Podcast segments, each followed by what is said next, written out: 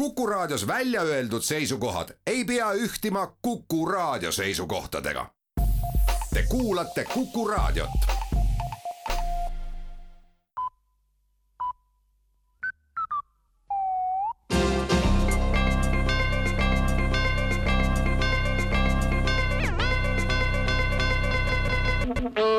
tere kuulama, uudistega eetris Rohke Develak riiklik valimiskomisjon otsustas anda poliitikute mitmel pool eksponeeritavatele papist kujudele ka eraldiseisvad kandidaadinumbrid. võib olla üsna palju valijaid, kellede jaoks on meelepärasem valida Riigikokku hoopis poliitiku papist kuju, mitte päris poliitikut ennast. Erinevatel poliitikutel on erinev hulk papist teisikuid ja kui nad on ka erinevate numbritega, siis võib Riigikokku pääseda ka rohkem kui üks Lauri Laats või Hanno Pevkur. papist poliitikute valimiste võimalus aktiveeriks loodetavasti ka neid valijaid, kes seni ei ole kunagi valimas käinud, sest kõik kandidaadid on vastumeelsed ja hakkavad kindlasti parlamendis lihtsalt pappi kokku ajama. kui Riigikogu on mehitatud enamuses osas papist kujudega, siis poliitiline sisu oluliselt ei kannataks ja samas hoitakse kokku ka oluline hulk kulusid, märgib ka Riigikontrolli audit.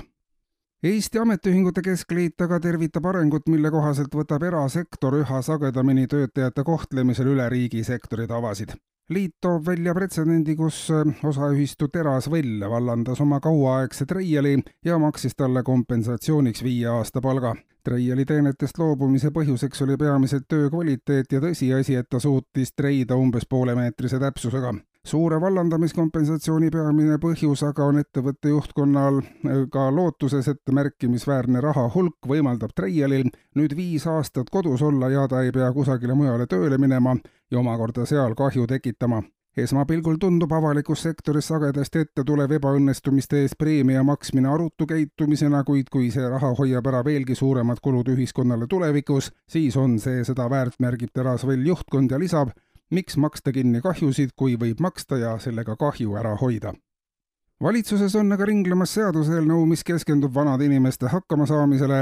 kui inimene jääb eluõhtul piisava hooleta just finantsprobleemide tõttu, siis tuleb inimestele anda täiendav võimalus sellist olukorda ennetada. seaduse kohaselt lubatakse pensionäridel nüüd narkootikumi müüa, et nii vanaduspõlveks raha teenida legaalseid teid vanainimeste abistamiseks pole paraku riigil võimalik palju leida, lisatakse eelnõu seletuskirjas. kuid narkokaubandusega on lubatud tegeleda siiski ainult enesevajaduste rahuldamiseks, suurte kartellide loomine ei ole lubatud. narkokaubanduse legaliseerimine pensioniealistele on positiivne ka seetõttu, et vanem põlvkond saavutab selle uue tegevusala tõttu noore põlvkonnaga senisest oluliselt suurema kokkupuutepinna ja kontakti ja tekib ka sotsiaalne sidusus ja lõpetuseks ka rubriigis tähtpäevi. täna on ülemaailmne sõbapäev.